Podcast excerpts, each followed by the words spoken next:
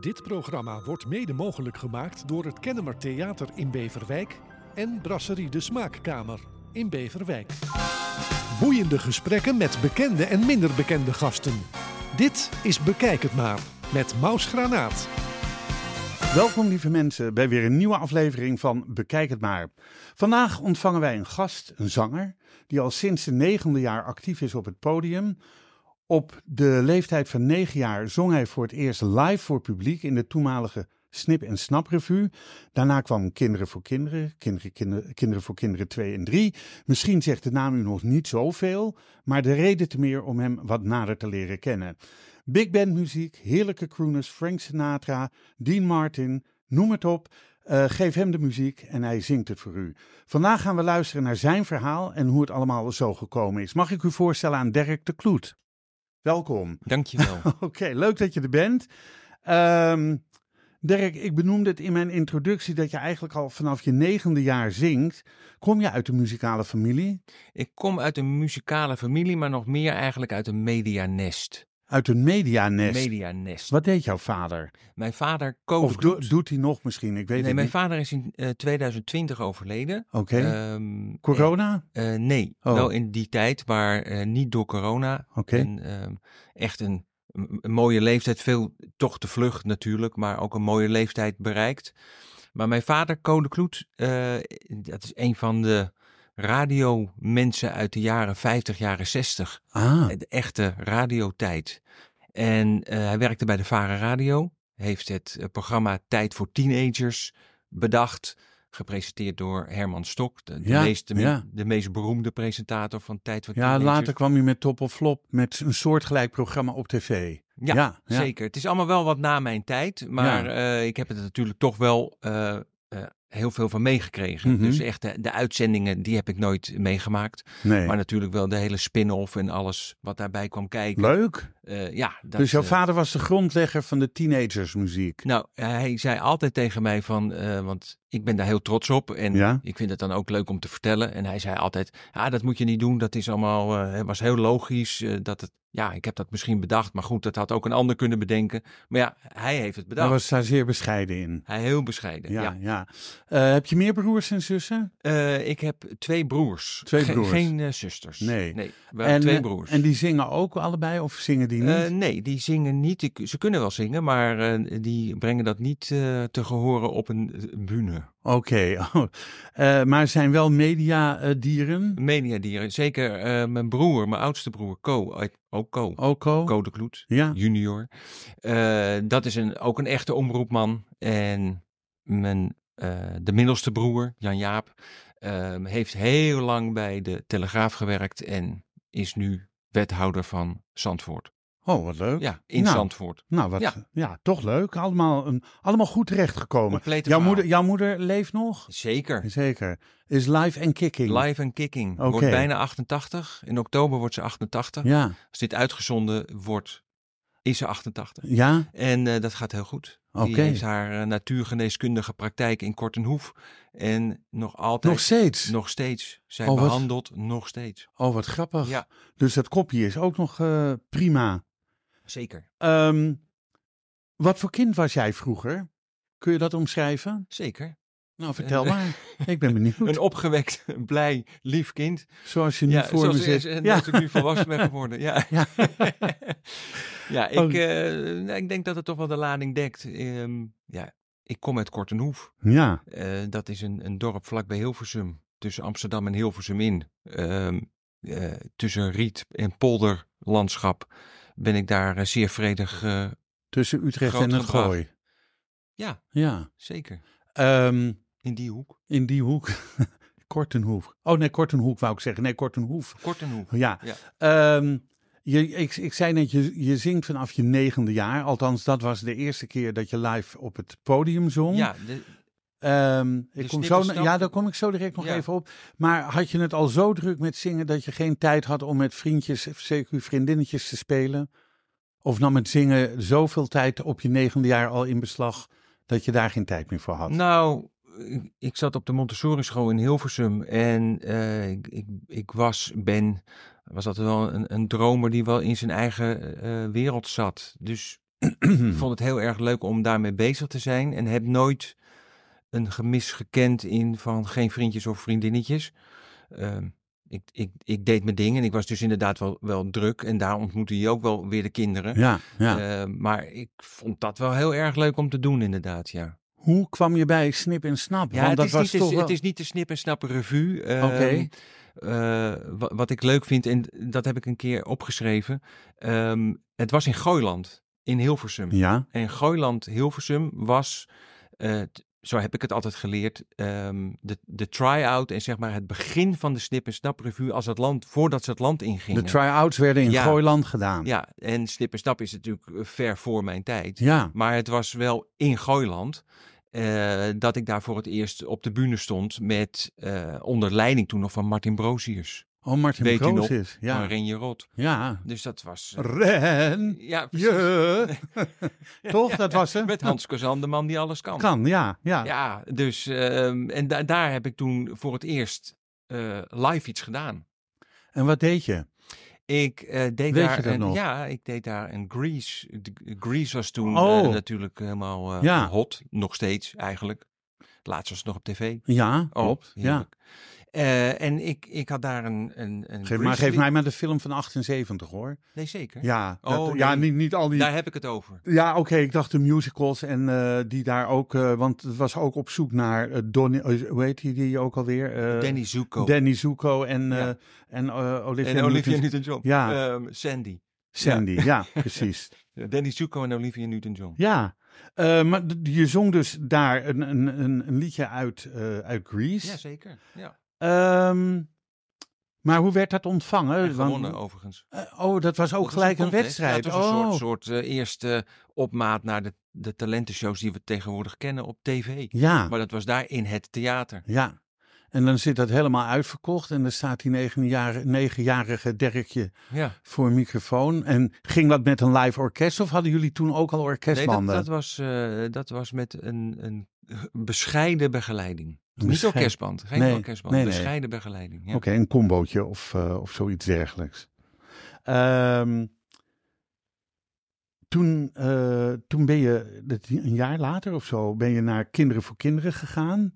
Superleuk leuk programma vond ik dat. Ja. Dat was eh, in 1980 was daarvan de eerste ehm, uitzending op televisie. Dat kwam jaarlijks terug. Ja. Volgens mij was dat naar idee van Florie Anstad, die eh, ooit in Israël een soort of eh ehm, kindersongfestival heeft gezien. Ja. En dat in Nederland ook wilde introduceren. En wat eigenlijk nog steeds loopt, Ja. al 43 jaar.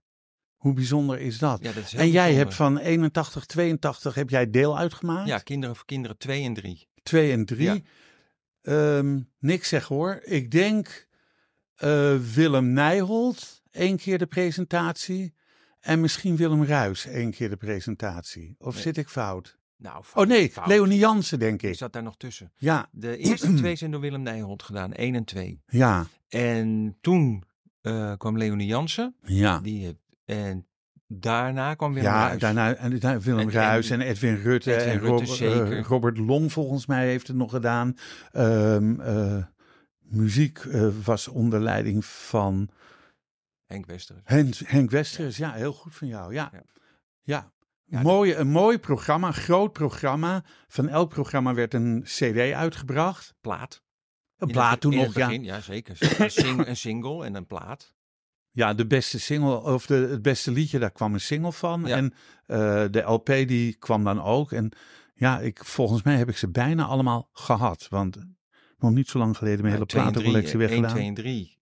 Die zouden eigenlijk standaard moeten... Die zou je eigenlijk standaard moeten hebben, want daar zit Code Kloet. Had je een, Dirk, ook een solo of niet? Dirk, Dirk. Eh, sorry, Ja, het. nou, was je Nee. vader. Ik doe het in, in Ja. en je broer. En mijn broer. en je broer. Ja. En Dirk. Ja. Ik moet vechten voor mijn plek nog steeds. ja, nog steeds. Oh, sorry, neem me niet kwalijk. Ook, Ehm, jij, ook jij, Maus. Ja, oké. Hm. Van iedereen. Even een slokje wijn nemen, s morgens om kwart over tien. Nee, hoe laat is het? Elf uur. maar veel te vroeg. Ehm, ja, dat kan je makkelijk zeggen hè, voor zo'n podcast dat jij wijn aan het drinken En iedereen bent. denkt dat het een grap is. En, maar het is niet zo. het is wel zo. Het is Oh, wel. oh, wel zo.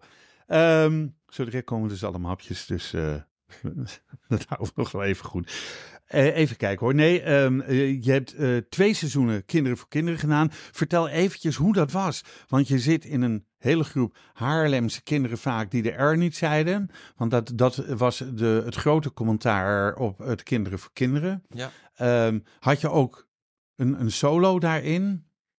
Of zong je in het ensemble mee? Er zijn een paar vragen. Ja, Ik probeer ze allemaal Ja, eh, chronologisch eh, ja, eh, te beantwoorden.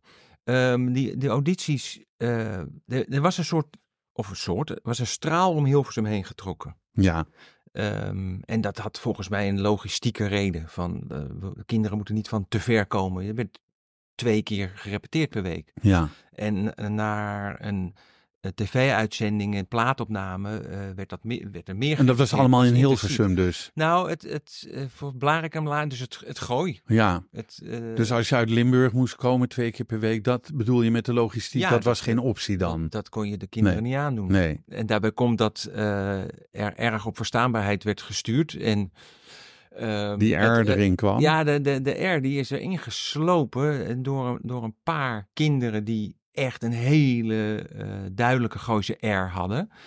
En ja, dat, dat is dat geluid wel gaan overheersen. Wel een aardige anekdote vind ik dat eh Marielle Lustenhouwer, die het koor eh, Leidde. leidde Ja, ehm, in een interview een keer de vraag kreeg van, eh, ja, hè, met die Gooise R, dit en dat, en eh, dat is toch wat, en, dat, hoe, en hoe komt dat dan?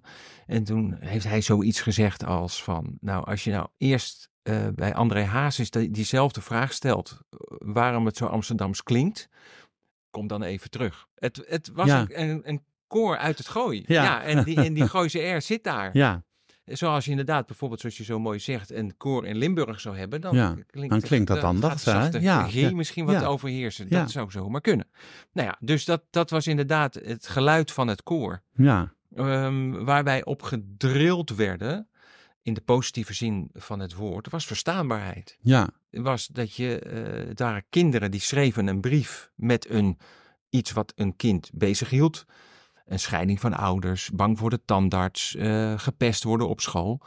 Er werd een brief geschreven, dan gingen toonaangevende tekstschrijvers in Nederland, die gingen... eh, ja, Willem, eh, nee, eh, ehm, eh, ehm, eh, even, even denken hoor. Robert Long heeft geschreven voor Ivo Kinderen de voor Ivo de Wijs heeft geschreven, Jan Boerstoel heeft geschreven, Herman Pieter de Boer, op een onbewoond eiland is Tony Eijk, muziek. Tony Eijk Ja. muziek. Ja, Ruud Bos nog één jaar bij Kinderen voor Kinderen 10 was dat. Heeft hij de muziek gemaakt. Kortom, de, heel veel eh, grote schrijvers en componisten Ja. deden daaraan mee. ja, de muzikale leiding onder, eh, we hebben net zijn naam genoemd, Ja. Henk Westerus. Ja, Eh, wij zaten met, het, met een orkest in, in de orkestbak in het Spand. En in Alkmaar hebben we ook opgenomen. Maar in ieder geval in de orkestbak hadden we gewoon een, een, een orkest zitten. ja, Ehm, dus, en dan werd dat dus uitgevoerd door de, de kinderen voor kinderen. Dus het, kinderen schreven een brief, wordt een liedje gemaakt, kinderen voeren dat uit. ja. Nou, en dat is natuurlijk ontzettend eh, eh, belangrijk dat dat verstaanbaar is op het moment dat zo'n lied wordt vertolkt. Dus daar werden we op gedrild. ja. En, en dat is goed gelukt. En misschien kan daar vandaag de dag nog een beetje een schepje bovenop.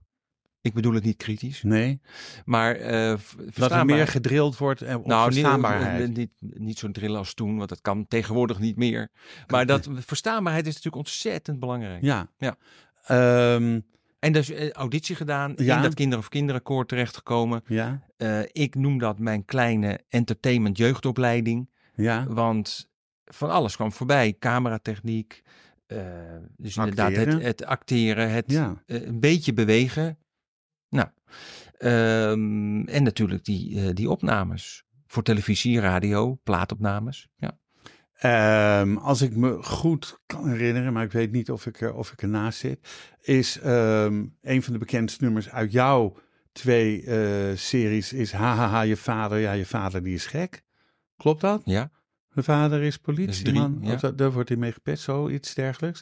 Ehm, en en wa- wat, wat was nog meer de succesnummers uit jouw twee jaren? Nou, de, de allergrootste was natuurlijk Onbewoond Eiland. Oh ja, dat was van eh, Herman Pieter de Boer. Ja, en, en Tony Eijk. Tony Eijk de muziek. Ja, dat was de grote hit.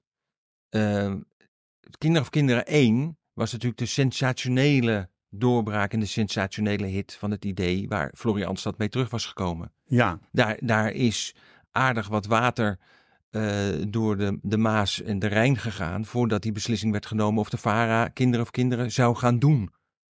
Ik weet toevallig dat er ook wel wat mensen bij de VARA waren die zeiden van ja, eh, is dat nou wel zo'n goed idee? Hm. Nou ja, dat is natuurlijk nu heel erg leuk om, om te weten. dat het 43 jaar gelopen heeft tot nu toe in ieder geval. En, en hoe? Ja, Ja, zeker. ja. En ehm, de VARA heeft er misschien ook nog wel wat andere voordelen ehm, mee eh, behaald. Zijn er kinderen die bij Kinderen voor Kinderen gezeten hebben, die later beroemd zijn geworden, behalve Dirk de Kloet? Eh, nou, Dirk de Kloet had een tikkie beroemder eh, kunnen zijn. Maar, Maar, nou ja, je hebt later Elise, dat is, die, die heb ik niet bewust meegemaakt, want die was echt wel veel later, Elise, een zangeres.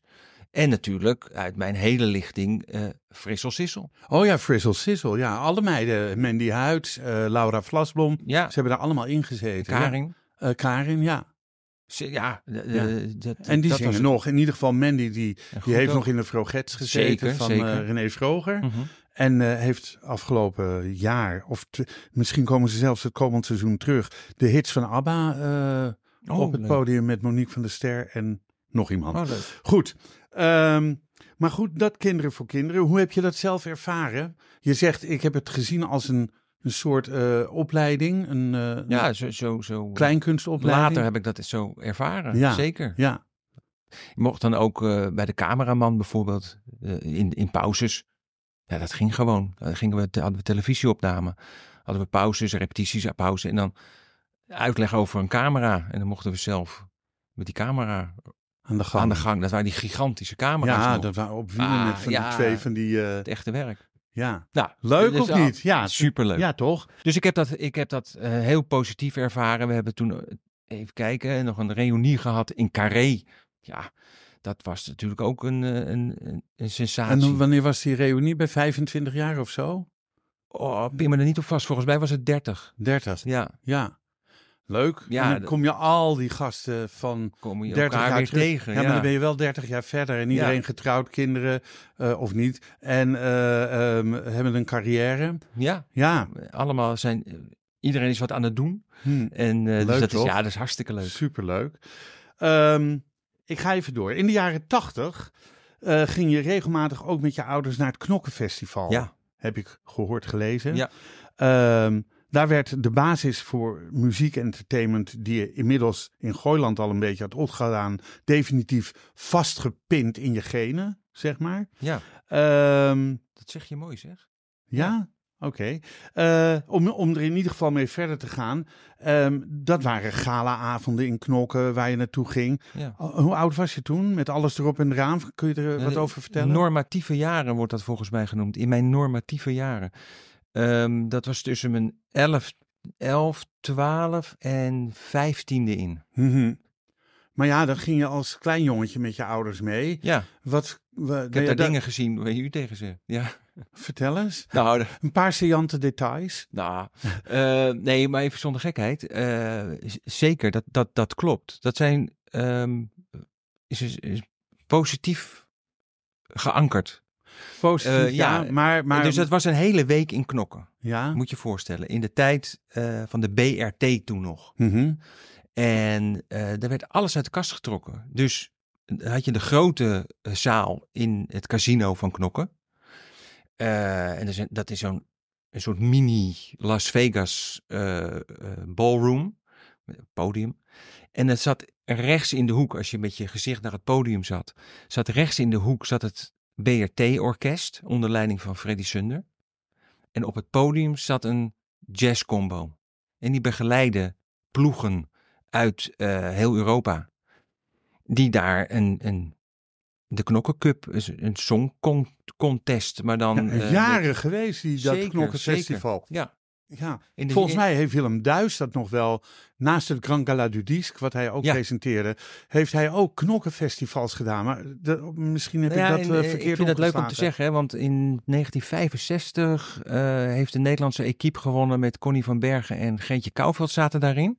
Ja, ik weet niet precies met beide ben dat- ik op Facebook. Nou. Is inmiddels eh, Ik ook. 87. Ben je ook? En met Connie van Bergen. Ja, zeker. Oh, maar wij zijn nog niet op Facebook, denk ik. Ik Dat denk gaat na- straks, eh, vandaag gaat dat ja, gebeuren. dat denk ik ook Ja, ja. zomaar. Ja, Een Ehm, historisch moment in ja. Wijk aan Zee. ja. Maar eh, ik, ik weet van Greetje inderdaad dat ze eh, aan het Knokkenfestival heeft meegedaan. Ja. En, en gewonnen. En gewonnen heeft. En dat ja. is, dat was een Afro-tros, of de tros of de Afro. Willem Duizend, Afro. Afro, ja. Ehm, nou ja, dat, op een gegeven ogenblik heeft de VARA, eh, is daar mee verder gegaan.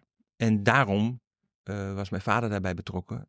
En ik kon, ik kon mee. Ja, ja. Nou, dat is.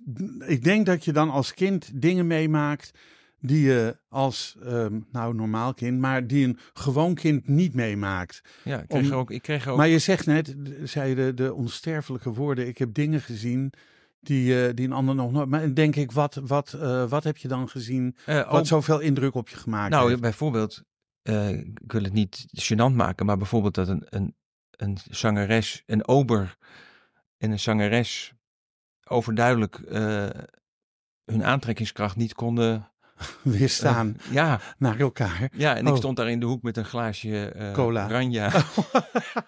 ik stond erbij en keek ernaar. Nee, het was allemaal niet heel raar of zo, maar nee. het, het was natuurlijk wel eh, een, een- voor mij, ik was, ik, ja, Ja, 11, 12, 13, ja, 14, dus, ja. allemaal, allemaal grote mensen in schitterende kleding. Mooi weer in juli. ja. Dat waren in mijn beleving dan prachtige zomerweken. En dan waren daar feesten. En ik, op een gegeven moment moest ik weer naar het hotel natuurlijk. Mocht niet al te laat opblijven. Hm. Dus de, de, de, de verhalen die hier en daar wel eens de ronde doen, die heb ik natuurlijk nog nooit meegemaakt. Nee, natuurlijk niet. Nee, natuurlijk niet. Daar gaan we het ook niet over hebben. Nee. Ehm, je bent als kind ook vaak met je vader mee geweest naar Studio 1 van de VARA. Jazeker. Eh, de radio-uitzending op zaterdag. Ehm, muziek uit Studio 1 met, met het bekende VARA Dansorkest. Eh, Charlie Nederpelt was daar de dirigent van. Ja. Hij is niet oud geworden, Charlie Nederpelt. Hij is maar 67 geworden. Hij is volgens mij... in Dat zeven- neem ik zo van je aan. in Ik weet wel 87 dat hij, ja, ja, ja, ik- overleden. Dat, ja, dat, zeker. Ik weet niet hoe oud hij geworden is, Hij maar ik was weet van wel 1920. dat hij... Mhm. Ja. Ja. Dus, eh, en dus hij is 67 geworden. En, maar eh, heel vaak op tv was het eh, orkest onder leiding van Charlie Nederpelt. Die naam die, die zweeft nog steeds door mijn hoofd. Nou ja, Ja. ik ben ook geen kind meer natuurlijk. Ehm, maar hij was naast eh, eh, ehm, orkestleider en, en, en dirigent was hij ook orkestleider, maar ook pianist, een Zeker. jazzpianist. Ja, nou en nog. Ehm, en denk ik, jeetje, maar, maar 67 geworden. Ehm, begin jaren 50 van de vorige eeuw was hij ook nog orkestleider van de Ramblers. Charlie Nederpelt. Ja, ze, ja het zijn allemaal maar, maar van die kleine weetjes. Mhm. Ehm, En getrouwd Maar met die- Jenny. Met Jenny. Jenny zeker, ja. Maar die studiodagen legden voor jou natuurlijk ook de basis voor hetgene wat je nu doet. Ja, achteraf kan ik dat gewoon zeggen. Ja.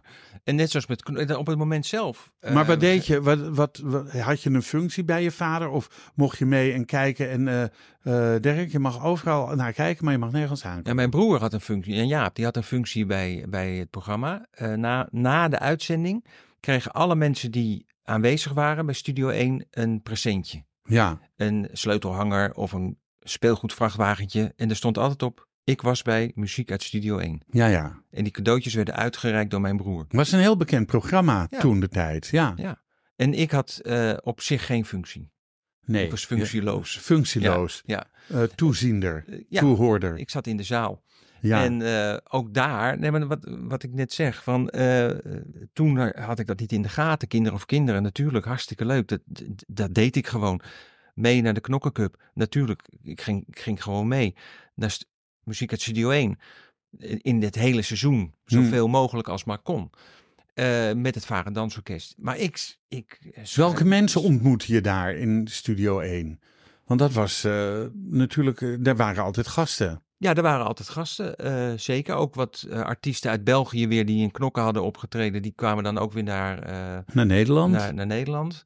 Ehm, eh, in het orkest nog steeds heel actief in het noorden van het land. eh, Lex Jasper. eh, oh, nog steeds Op piano, actief. hè? Ja, ja. Op piano. Greetje Kouwveld zingt nog steeds met zeker. Lex Jasper aan Ja. de piano. Ja. Ja, die heeft echt een heel, eh, die heeft echt een leuk, nou ja, leuk, leuk combo, om het zo maar te zeggen. Met hele goede, vooral dames die daar zingen. Ik bedoel er niks mee. Nee, Maar vooral dames die daar op de bühne staan naast hem. En kwalitatief echt heel goed werk leveren, natuurlijk. Ehm, dus ik schuifelde dan tussen de muzikanten door en ik, ik kom er lol niet op. Namen, eh, grote, grotere namen, eh, kan ik even niet echt reproduceren. Er zaten wel vaste zangers en zangeressen in het programma. Ehm Letty de Jong. Letty de Jong, zeg, Die- ja, eh, ja, zeg me wel wat. is de eerste die bij me op, opkomt. En ook dus wel internationale artiesten. Ja, Z- Zoals? Dat is een goede vraag. Ik- dus eh, in ieder geval onze Belgische Sorry. vrienden. Ja, Onze Belgische vrienden. Maar dus eh, dat is te ver weg voor mij om eventjes te produceren wie daar nou precies de revue passeerde.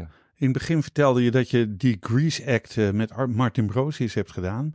Ehm, eh, maar, maar hoe heet het? Martin Brosius was ook toen al een tv-bekendheid. Ja. Ehm, heeft, Gooi, heeft Gooiland een, een speciale plek in je hart gekregen door alles wat je daar hebt meegemaakt? Ja, zeker. Ik heb daar wel eh, ook later eh, gezongen. En eh, ik heb daar nog een keer met een, dat was weer een heel ander iets, maar met een toneelstuk op de, op de bühne gestaan.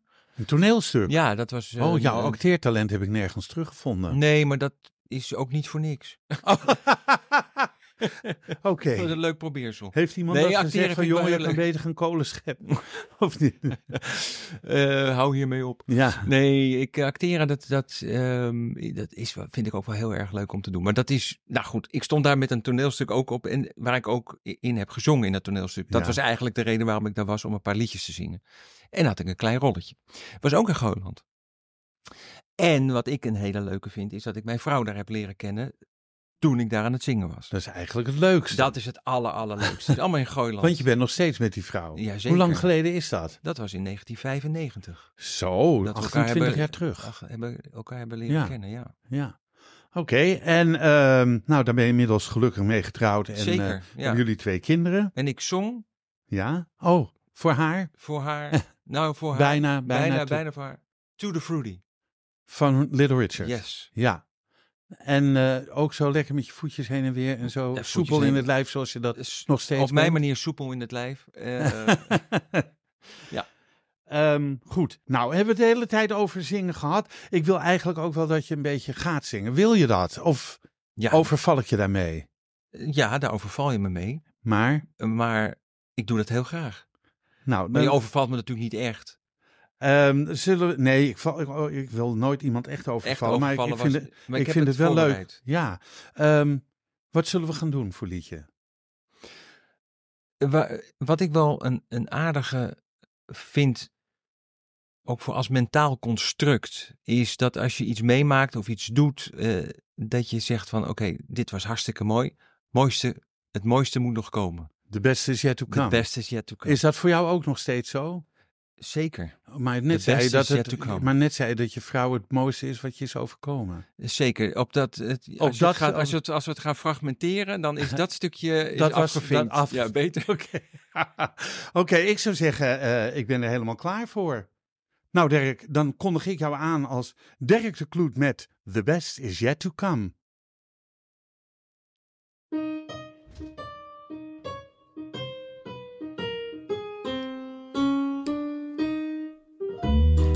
Out of the tree of life, I just picked me a plum. You came along and everything starting to hum. Still, it's a real good bet, the best is yet to come. The best is yet to come, and baby, won't that be fine? You think you've seen the sun, but you ain't seen it shine. Wait till the warm up is underway. Wait till our lips have met. And wait till you see that sunshine day. You ain't seen nothing yet. The best is yet to come, and babe, won't it be fine? Best is yet to come, come the day you're mine. Come the day you're mine. I'm gonna teach you to fly. We've only tasted the wine. We're gonna drain that cup dry. Wait till your charms are right for these arms to surround. You think you've flown before, but baby, you ain't left the ground. Wait till you're locked in my embrace. Wait till I draw you near. Wait till you see that sunshine place. Ain't nothing like it here. Best is yet to come, and babe, won't it be fine? The best is yet to come, come the day you're mine. Come the day you're mine. Oh, you're gonna be mine. Wauw, ik heb het niet gedaan, maar ik stond bijna, Dirk, op het punt van dansen. Maar dat wil jij niet zien. Oh. Dus Goed, nee, want ik beweeg me misschien net zoals jij, of misschien nog wel houteriger, dat weet ik niet. Ehm, nee, heerlijk. Zullen we er straks nog één doen? Ja, leuk. Goed. Eh, eerst even verder babbelen. Ehm, ik wil e- even zeggen, naast het zingen heb je eigenlijk ook nog een eigen bedrijf. Ja. Vitality Management heet het zo. Ja. Hoe leer je mensen om vitaal te kunnen managen? Ik, en wat is het precies, Vital Het is een, Management? eh, een, een verzamelterm, vitality management. Dus populair gezegd, het organiseren van je vitaliteit. En dat, is, dat kan heel breed zijn. In eh, mijn praktijk komen mensen uit vaak het bedrijfsleven. Dit is de kant dus die je van je moeder hebt. Zo zou je dat zeker Ja, kunnen zeggen. ja, ja, ja. absoluut. Ja. Ehm, het, het zit aan de, de kant van de coaching. En coaching is eigenlijk veel mensen die zeggen: ja, coach, iedereen is tegenwoordig coach. Ja, coach is een, coaching is een begrip om iets van A naar B te brengen. En, en mensen die komen eh, in de praktijk vaak uit het bedrijfsleven Ja, ehm, die komen naar de praktijk met vraagstukken over persoonlijke vitaliteit. En ik zou bijna willen zeggen, acht van de tien keer gaat het over een verstoorde balans tussen werk en privé. Eh, mensen die te hard werken, te veel werken, te veel druk ervaren. En in de praktijk kan je dan onderzoeken van, eh, is dat nou doordat dat ook inderdaad van je gevraagd wordt? Of heb je dat ook voor een deel zelf bedacht? Wat gebeurt er dan precies? Een grote flip overstaan om uit te tekenen van waar, heb je, waar hebben we het nou precies over? ja. En eh, daarnaast heb ik de nanocelcare therapie in de praktijk. En dat is een Nano, dat is op heel, Heel- mini, ja, mini, mini, is- minimaal ja, gebied. Een nanodeeltje is duizend keer kleiner dan een microdeeltje. Ja, ja. En dat is een techniek waarbij drie stoffen eh, worden aangeboden aan het lichaam. Hyaluronzuur, dat is een lichaams-eigen stof. Wat veel mensen wel van crèmes kennen, omdat het hydrateert voor de, het bevochtigen van het lichaam. Vitamine C en mineralen uit de zout uit de Dode Zee. Mhm. En die worden eh, als nanodeeltjes aan het lichaam aangeboden. En Hoe, wat nu hoe, de hoe bied je dat aan? via een, een apparaat die van, eh, moet je voorstellen dat in een cartridge, dus een, een, een klein, Inktpatroontje? dus, nou, voor het idee, Ja. zo zoiets. Eh, daar zit dus hyaluronzuur in of die mineralen en vitamine C. En dat wordt in een machine genanoriseerd. Het is vloeistof, maar dat wordt in een machine genanoriseerd en over het lichaam via een slang over het lichaam verneveld. Moet ik denken aan een soort biofotonentherapie of is dat weer iets heel anders? Ik denk dat dat heel, dat ken ik niet. Oké. Dus ik denk dat het wat anders is, maar ik, eh, laat ik het zo uitleggen. Het wordt verneveld. In een, dat komt in een, door een slang in een soort nap op de huid. En de huid neemt dat op. Want die nanodeeltjes zijn zo klein Mhm. dat die stoffen worden opgenomen door het lichaam. En dan leg je eigenlijk een basis voor het, het, het verstevigen of het, het uh, optimaliseren of een boost geven aan het zelfherstellende vermogen van het lichaam. Mhm. Want dat heeft iedereen. Uh, doordat je vaak of lang onder stress staat, dan uh, krijgt het lichaam minder weerstand. Het immuunsysteem, uh, ik ga nu even heel kort door de bocht, hè, maar het immuunsysteem uh, vermindert, minder weerstand, word je bevattelijker voor een griep. Maar het kan ook zijn dat je bevattelijker wordt voor ja, dat je wat neerslag, dat je minder energie hebt. Doordat je die basis op orde brengt met de nanocelkertherapie, in combinatie met een plan wat je bedenkt van, ja, wacht eens eventjes. Uh, ik denk wel als mij iets gevraagd wordt dat ik altijd ja moet zeggen, maar is dat eigenlijk wel Hmm. zo? Nou, dan uh, heb je een, een, een vrij totaalpakket dat je met die vitaliteit aan de gang kan. Dus heel basic door het zelfherstellende vermogen van je lichaam te versterken en om een cognitief een plan te bedenken van hoe kan ik nou mijn energie beter verdelen. Ik hoor nou toch heel iemand anders dan de zanger Dirk de Kloet. Ik hoor bijna dokter de Kloet. Dat ben ik zeker niet. ik ben het zeker niet. Maar is het ook wel eens Ja. zo dat jij klanten krijgt dat je denkt, oh, die kan ik beter naar mijn moeder sturen? Of je moeder iemand krijgt van, oh, dat past beter bij Dirk. Nou, dat, dat, dat ligt wel heel dicht bij elkaar wat, wat wij doen. Ehm, eh, ik heb wel eens in de praktijk, want ik zit aan de alternatieve kant. Ik vind het eigenlijk ook wel heel leuk om dat te benadrukken, omdat ik daar best wel een, een lans voor wil breken hoe dat in elkaar steekt.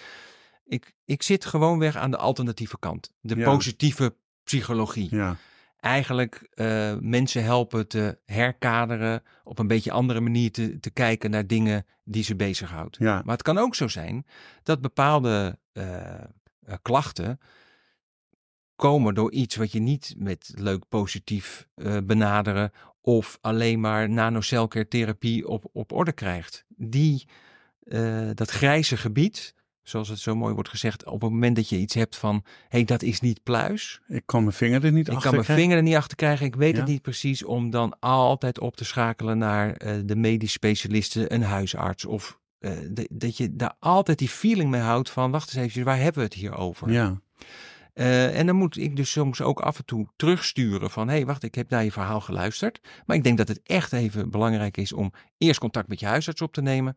En vanuit daar verder te kijken wat voor jou het beste is om Ja. te gaan doen. ja, Als een huisarts of een specialist zegt: hé, hey, jij kan gerust met die eh, met cognitieve training of die, die, die manier van werken, eh, kan je een heel eind komen. Nou, dan, dan kunnen we aan de slag.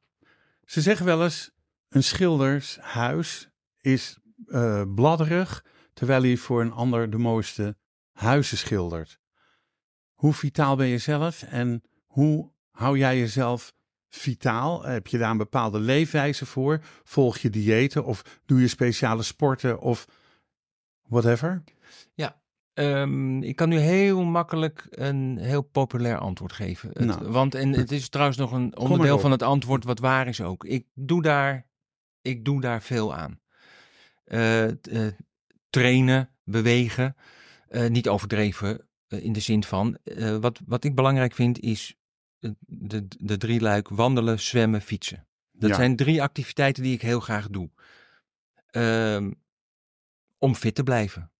Voeding, zeker. Eh, in de gaten houden, niet, niet te veel. eh, de, de, de kwaliteit van het eten, is, dat is heel erg belangrijk. Maar ik heb absoluut in mijn carrière ooit een stressvolle periode meegemaakt. Mhm. Waarbij ik net zo goed tegen diezelfde eh, muur ben aangelopen of in diezelfde valkuil eh, ben getrapt. Waar ik zelf eh, mijn mond vol mee, mee heb op het moment dat er iemand tegenover me zit. Ja, precies. Niks menselijk is ons vreemd. En ook dat vind ik een hele belangrijke. En in die coaching vind ik het ook wel fijn om te benadrukken als iemand bij me is van joh, moet je luisteren. Het lijkt misschien alsof ik allemaal hele eh, interessante en wijze dingen zeg. Ja, Maar het is voor mij ook niet zo moeilijk, want ik ben een buitenstaander in jouw verhaal. Zoals ik ook af en toe een buitenstaander best kan gebruiken in mijn eigen verhaal. Nou, Ja. en daar zit dan die wisselwerking. Ehm, hoe Ik hoop Eh, dat dat duidelijk is. Wat ja, ja, ja, ja de- de- voor mij is het duidelijk. Ik hoop voor degenen die luisteren ook. Dat hoop ik ook zeker. Dus, kunt u eh, bellen naar... Naar, naar, Naar Maus. eh, Naar Maus bellen en of mailen via, via het mailadres wat bij de podcast staat. of whatever. En dan kan ik alles vertellen over de celkerntherapie. Zeg ik het goed? Cel- Celcare, ja, nanocelcare. Ja. Nanocelkerntherapie. Goed. Maar wat ik ook vaak adviseer... Maar daarmee breng je mensen dus weer ook een beetje in balans. Ja, zodat dat ze doen de balans kijk, tussen- Eerlijk is eerlijk. En mensen doen dat natuurlijk zelf. Jawel. Omdat je zelf aan de gang gaat, brengen mensen zichzelf. Dus ik adviseer wel eens van, bijvoorbeeld in de buurt, op het moment dat je een, een leuke, goede yogaschool hebt, om aan yoga te doen. Of bijvoorbeeld je te laten masseren. Dat is wat ik dat is dus... een goeie is dat. ja, dat is, een, dat masseren. is een hele goede. Ja. Nee, maar dat is oprecht. Ja, nee. Oké, luister. ehm, op het moment dat jij die, die eh vernanode eh, vloeistof inbrengt of aanbrengt bij mensen. Toch? Dat- nu griezelig te klinken. Nee, nee, nee. Nee, nee dat- ik bedoelde niks. Dat heb je toch net verteld? Ja, nee, in, in je, in je, in je inkjet- inkjet cartridge waar de vloeistof van mineralen en Hyaluronzuur, Fernando eh, de hyaluronzuur en weet ik veel wat allemaal in zit. Als je dat, maar wat, wat die stoffen brengen dan die, die balans of moeten mensen daar zelf ook nog wat voor doen? Nee, daar hoef je niks voor te doen. nee Dat wordt Maar- door het lichaam opgenomen. dat wordt door het lichaam Ja. opgenomen. Maar moet je zelf dan nog actie ondernemen? eh, doordat, er- doordat die spulletjes weer bij je komen, dat je denkt: Oh ja, ik kan nu weer rust nemen. Of, of, of, eh, nou, wat je, wat, of moeten ze dan juist gaan maar hard fietsen, zwemmen en wandelen om. Nee. Eh, het aardige is, en dan worden we, gaan we heel in detail. En ik, ik denk dat het Niet te ik- lang, maar gewoon. Zeker, maar ik denk ook dat het duidelijk blijft. Ja. Op het moment dat je dat. eh, eh, Er wordt vooral op de rug gewerkt. Dat is een groot gebied. Ja. En die nanodeeltjes die komen in het bindweefsel terecht. mhm, Want die nanodeeltjes zijn zo klein, het wordt opgenomen door het lichaam. ja. En dan het hyaluronzuur vindt zijn weg in het lichaam om te gaan smeren en te gaan onderhouden. Want dat Mhm. is wat hyaluronzuur doet. Ja. Wordt, wordt opgebouwd tot je 22ste. ja. Daarna neemt het af. Vandaar die cremmetjes om het allemaal Juist, weer aan te om die rimpels eh, Ja, proberen op te ja. heffen. Ga je het zien? Op, eh, Oké. op het moment dat je dus dat hyaluronzuur in het lichaam krijgt, wordt er, krijgt het lichaam meer tot zijn beschikking, waardoor bepaalde klachten, bijvoorbeeld mensen met stramheid, eh, maar ook met, met fitheid, eigenlijk na een vier, vijf behandelingen in de regel zeggen van ik voel me vitaler. Ik sta makkelijker op. Ik beweeg makkelijker. Mhm. Dat is wat het lichaam zelf doet. Daar hoef je niet een extra activiteit voor te ontplooien. Nee, dat neemt natuurlijk niet weg dat het wel raadzaam is om te blijven bewegen. Het is niet, en je niet iedere keer. Tuurlijk, het is niet van ik heb geen zin om te bewegen. Ik ga een nanocelcare doen, ik ja, lekker ja, niks te doen. Nee, ja, precies. Nee, dat, dat bedoel Bewegen ik. Oké, Ah, oké. Dat is duidelijk. Eh, hoe moeilijk is het, of hoe is het hebben van een eigen bedrijf naast een zangcarrière ehm, ja, te combineren? dat is tot nu Op toe een goed te, goed te combineren. Op het moment, ehm, ehm, het, laten we wel zijn, op het moment dat je mij introduceert, Dirk de Kloet, dan, dan is niet dat mensen zeggen, oh wacht eens even, daar heb ik eh, door het hele land billboards van zien hangen. Hè? Nee. Dus ik ben een artiest die regelmatig optreedt, maar dat uitstekend kan combineren met een eigen bedrijf. Daar, Het is niet zo dat je kunt leven van je zangcarrière. als ik mijn bedrijf niet zou hebben alleen, dan is het antwoord nee, daar kan ik niet Nee, van leven. nee. Niet op de manier waarop ik dat wil. Nee, precies. Maar ehm, ambieer je eh, eh, een, grotere bekendheid?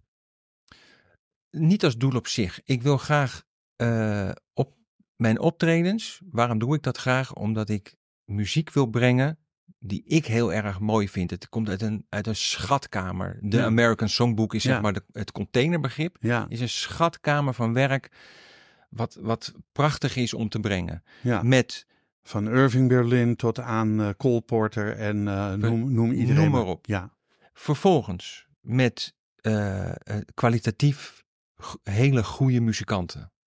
Dat is genieten geblazen. ja, Om dat entertainment te brengen, de interactie te zoeken, dan doe ik eigenlijk hetzelfde. De Mhm. interacties zoeken met het publiek. ja, Gaat ook over vitaliteit. Mensen komen ergens naartoe om wat te eten, wat te drinken. eh, of na het eten en drinken naar een show te gaan. Waarbij ze even onderdompelen in die, eh, in die, in die sfeer van die de muziek met zich meebrengt. zeker. Dat is van Ja. uptempo, dansmuziek tot luistermuziek tot Latin eh, invloeden. Zullen we nog wat doen? Ik, je, hoort, je zit er zo over te, Ik, te, eh, te praten dat ik denk dol- van... Ik wil nog wel eentje, een, een, een Bad Leroy Brown of zo. Nou, die hebben we. Nee. Jazeker. Echt waar? Die heb ik ook bij me. Nou, dan vraag ik nu uw aandacht voor uh, Derek de Kloet met dat heerlijke uptempo nummer Bad Leroy Brown.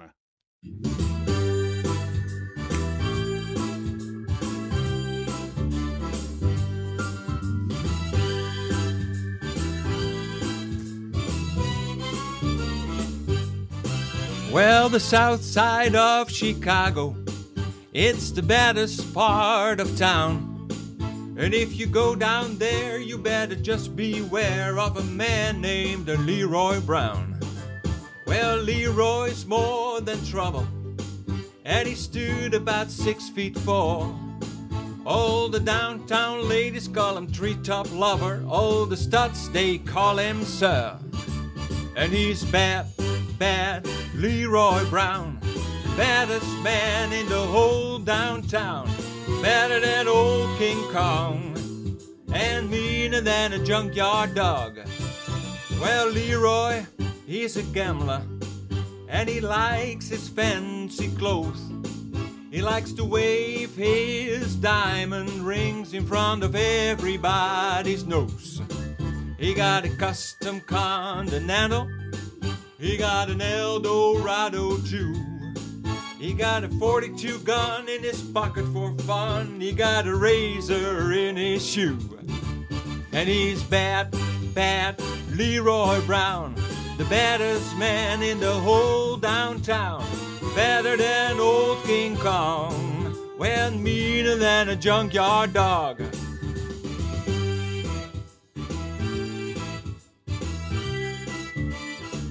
Bring me uptown.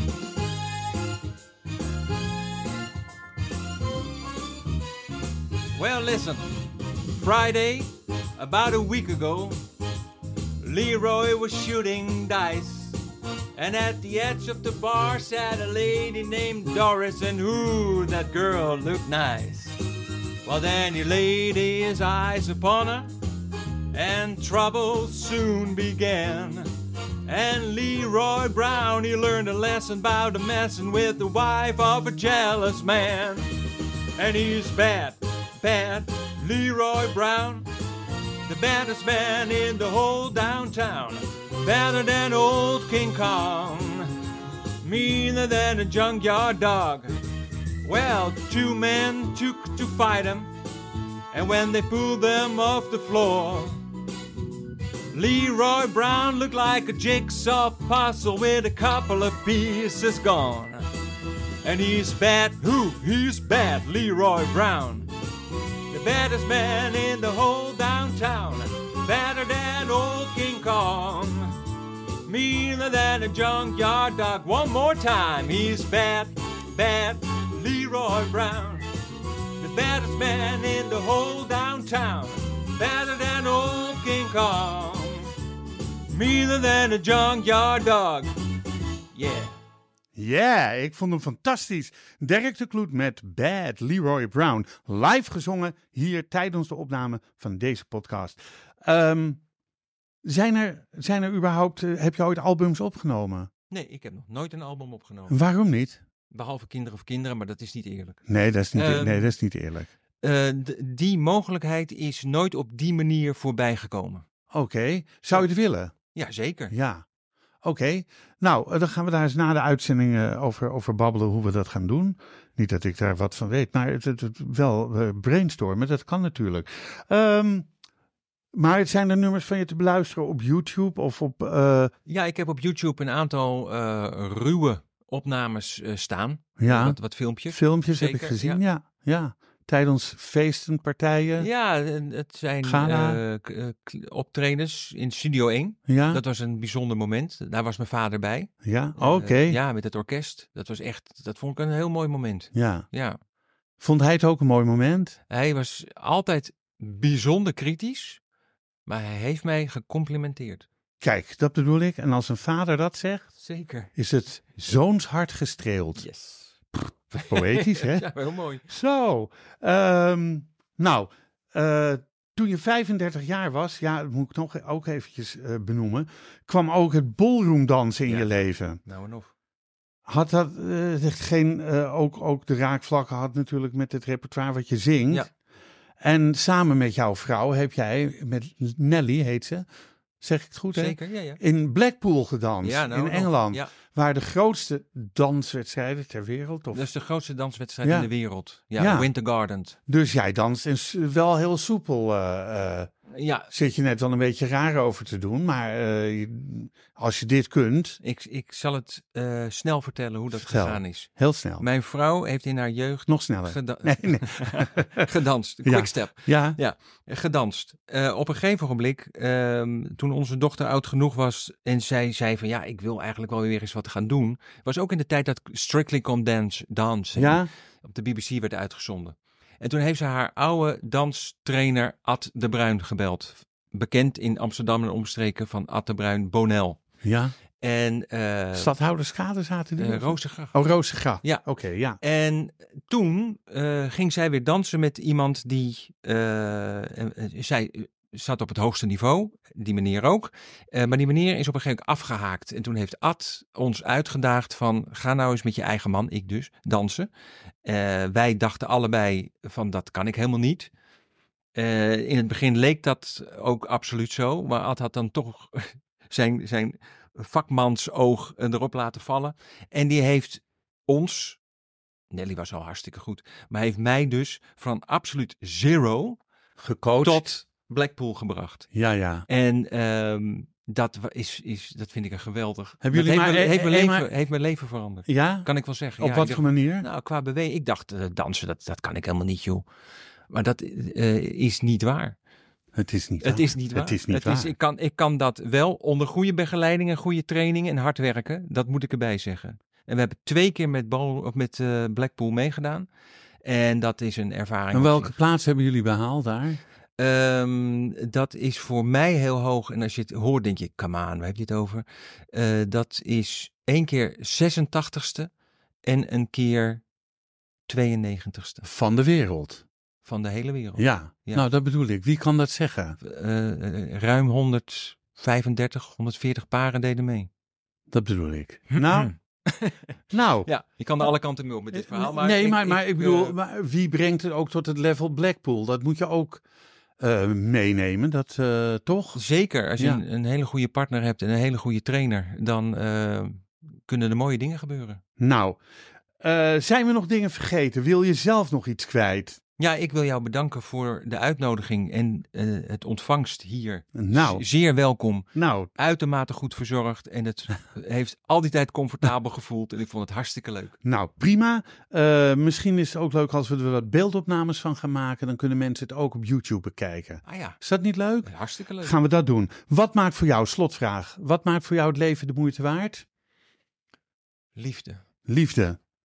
Dan wil ik daarmee afsluiten. Ik vind het een mooi antwoord. Deze podcast wordt uitgegeven door de Roots Podcast Productions. Alles is na te lezen op www.bekijkhetmaar.com. Dank voor het luisteren. Dirk de Kloet, dank je wel. En wat mij betreft graag tot de volgende podcast. Dit programma werd mede mogelijk gemaakt door het Kennemer Theater in Beverwijk en Brasserie de Smaakkamer in Beverwijk.